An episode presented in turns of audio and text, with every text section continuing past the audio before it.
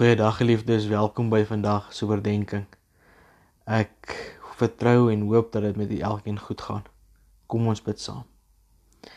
Here, dankie vir hierdie dag wat ons uit U hand uit ontvang het. Dat ons dit mag geniet vanuit U grootheid en U genade. Here, wil U ook nou by ons elkeen wees deur die leiding van die Heilige Gees om met verwagting en afwagting uit te sien na die antwoord van U woord. Here, dat U woord ons sal kom ondersteun en versterk maar ons ook sal kom bemoedig in ons elkeen se lewe. Here wil gee dat ons u teenwoordigheid en nabyheid sal beleef en ervaar as by ons terwyl ons ook u woord oordink en dit ons eie maak. Ons kom bid dit en vra dit in u naam alleen en in afhanklikheid, Here. Amen. Geliefdes, ons is by Psalm 38 en ek lees dit vir ons graag saam. Die opskrif van die Psalm: My sonde kwel my. 'n Psalm van Dawid, 'n herinnering. Moet my tog nie in u toring bly straf nie, Here, en my langer in u gramskap tigtig nie. U pile het my getref, u hand lê swaar op my. Deur u toring is daar nie meer 'n gesonde plek aan my liggaam nie. Deur my sonde is daar nie meer 'n heel plek aan my lyf nie. Ja, my ongeregtighede het my oorweldig soos 'n las wat vir my te swaar is. My wonde stink en sweer en dit deur my eie dwaasheid. Ek is krom en in mekaar getrek. Ek loop die hele dag en treur want my lyf brand van die koors en daar is nie meer 'n gesonde plek aan my liggaam nie. Ek is gedaan en heeltemal platgeslaan. My hart jaag en ek brul van die pyn. U weet waarna ek smag, Here. My gesmeek is vir u geen geheim nie. My hart jag, my krag het ingegee. Ek kan nie eers meer sien nie. My siekte hou my familie en my vriende ver van my af. En my bure kom nie naby my nie. Die wat my lewe soek, stel vir my strikke. Die wat daarop uit is om my kwaad aan te doen, praat al klaar van my ondergang. Die hele dag deur dink hulle vals beskuldigings teen my uit. Maar ek hou my doof. Ek hoor niks. Ek hou my stom. Ek maak my mond nie oop nie. Ek het geword soos 'n man wat niks hoor nie en wat niks het om te antwoord nie. Ek vertrou op U, Here. U sal antwoord, Here my God. Ek vra U, moenie dat hulle hulle verlustig in my leed en hulle groot hou as die lyding vir my te veel word nie. Ek kan dit byna nie meer uithou nie. Ek is nooit sonder pyn nie. Ek bely my ongeregtigheid. My sonde kwel my. My vande is vol lewenskrag en daar is so baie wat my sonder rede haat. Wat my kwaad vir goed vergeld en teen my in wat teen my is omdat ek die goeie najag. Moet my tog nie verlaat nie, Here, my God. Moenie ver van my af bly nie. Maak tog gou om my te help, Here, my redder. Ons lees tot sover. Geliefdes, as mens deur Psalm 38 lees, dan is dit 'n treffende Psalm. Dis 'n Psalm wat 'n mens se hart kom aanraak dit kom wek emosie by ons op. En die rede daarvoor is dalk omdat dit 'n baie persoonlike Psalm is wat pyn en wroging met siekte kom beskryf. Dit bring afstand van God sowel as van jou vriendekring. Die mense wat naby aan jou is, is ewe skielik ver. Hulle is op 'n afstand en nie meer naby nie. Ons sien soms so aan die begin van die, van die Psalm kom sê vers 1 vir ons dat hierdie Psalm ook 'n herinnering is. Wat dan kan beteken dat dit gebruik is as lering oor die verband tussen siekte, sonde en skuldbeleidnis. Hierdie Psalm kom rig ons gedagtes op meer as een manier op sonde en met siekte. Dit kom skets vir ons die worsteling en die onsekerheid wat siekte in 'n mens se lewe kom bring. Dit kom trek ook 'n sterk verband tussen sonde en siekte. In sover die ervaring van die siekte ook mag wees. Met die besef van en die behoefte aan skuldbeleidnis in die verwagting van God se genade, sy vergifnis en sy genesing. Die psalmis se ervaring van die verband tussen die siekte en sy sonde hoef nie noodwendig korrek te wees nie. Maar dit is steeds 'n ervaring.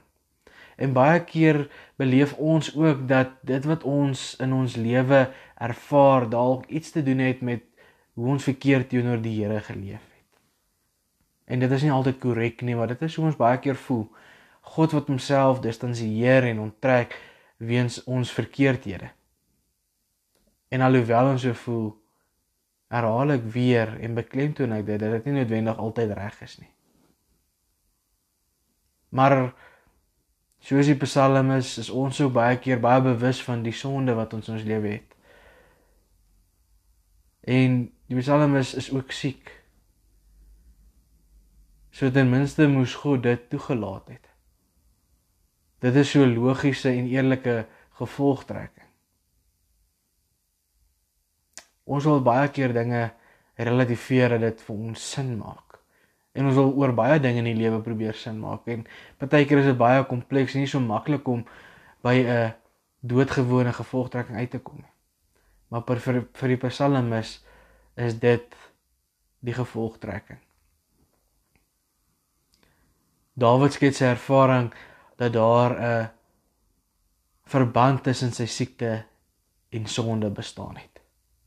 Sy siekte is in sy ervaring die gevolge van sy sonde. Daarby is dit iets wat die Here hom aandoen. God se toorn straf en tugtig hom met siekte. Daarom bid hy om verlossing, nie net van sy siekte nie, maar ook van sy sonde. Hierdie siekte het nie 'n naam nie. Maar dit wil voorkom asof dit dermatologies van aard is omdat daar gepraat word van wonde wat stink en sweer.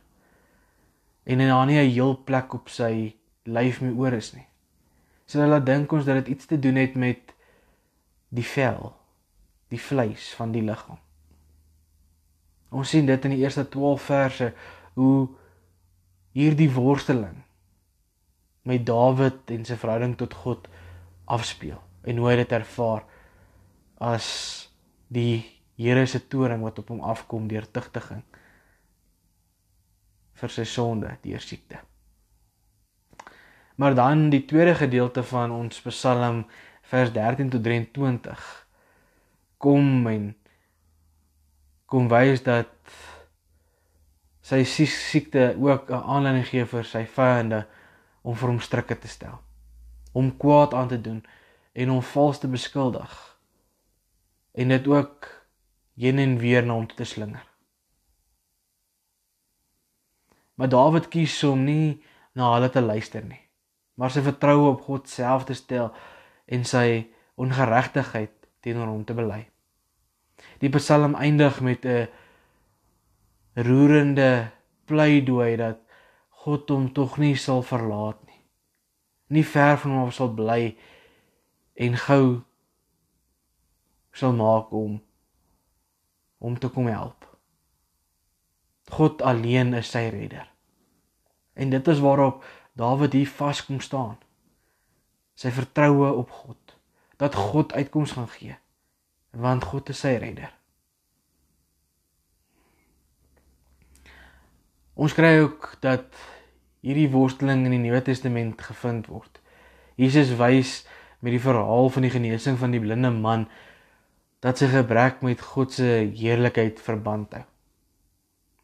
En dan hierdie heerlikheid van God, verheerliking van God gaan dan in diepte oor 'n verhouding wat daar nie is tussen die blinde man en God nie. Siekte is ook die gevolg van die verganklikheid van die lewe waarin 'n mens deel het sonder dat dit noodwendig met pers persoonlike skuld en opsigte van sonde te maak het. Ons moet besef dat ons elkeen 'n sterflike liggaam het en dat siekte ons enige tyd kan beetpak. En dat dit nie 'n straf is nie, maar deel van die natuur is, deel van die lewensverloop is. Soos ons ook uitsien na die lewe. Maar dan kom skryf Paulus weer in die konteks van die nagmaal aan die Korintiërs dat siekte soms in gemeenskap van gelowiges met die Here se oordeel en se tigtiging verbind kan word. Waarmee God besig is met 'n proses van heiligmaking. Ons kan hier dink aan 1 Korintiërs 11 vers 27 tot 32. Maar baie spesifiek om net na 'n gedeelte te verwys sodat ons nie saam met die wêreld veroordeel sal word nie. En daarom in gemeenskap met ander gelowiges. 'n Proses van heiligmaking. En dan moet ons een ding die heeltyd onthou. God se genade sluit nie sy oordeel uit nie.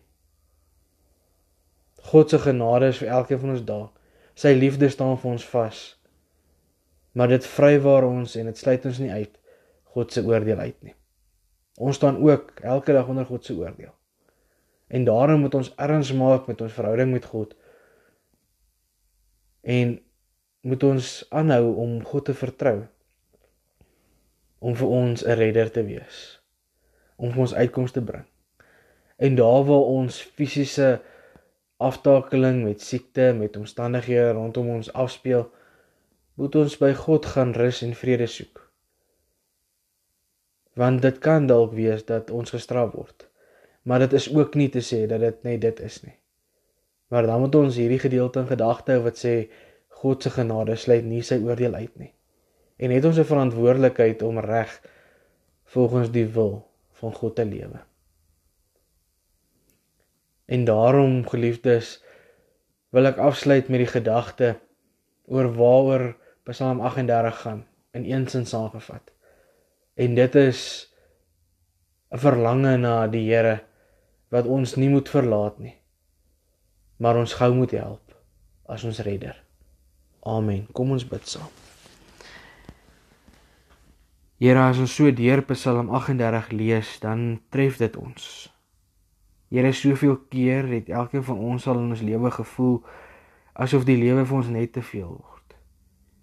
Asof dit voel asof U ons letterlik en persoonlik moet straf vir dinge wat ons verkeerd gedoen in ons lewe.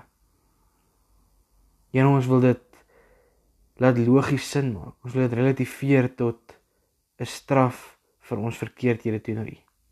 Maar dit is nie altyd so eenvoudig nie, Here. Maar nou hoor ons ook vandag dat U kan ook op so 'n pad van siekte worsteling besig wees om ons te heilig, om ons reg te kry in 'n verhouding met U. Here, want U genade is nie sonder U oordeel nie. Ons staan onder beide. En wil ons vandag vir U vra om by ons te wees, Here. Kom hou ons op die regte pad. Kom gee dat ons U voor oë sal hou. Kom gee dat U vir ons 'n redder sal wees op wie ons ons vertroue alleen stel.